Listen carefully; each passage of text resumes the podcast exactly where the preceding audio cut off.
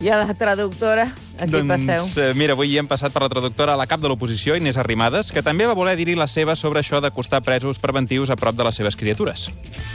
Criteris tècnics, no polítics. I això ha estat una decisió política, crec que és evident, i ha estat un pagament de la hipoteca que té el senyor Sánchez amb els partits independentistes.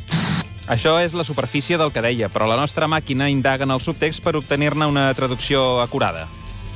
Criteris tècnics. Criteris no tècnics, no polítics. I això de traslladar-los s'ha fet amb criteris polítics, és evident. I com ho sé? Doncs perquè si no els traslladessin, també serien criteris polítics i no pas tècnics. Passa't aquesta, Sherlock Holmes. Això sí, amb la diferència que si no els traslladessin serien criteris polítics coincidents amb els meus i llavors ja no hi hauria res a recriminar. Però, ai, las! Mira, què vols fer-hi? Em toca posar-ho a parir perquè agrada als independentistes. Independentistes.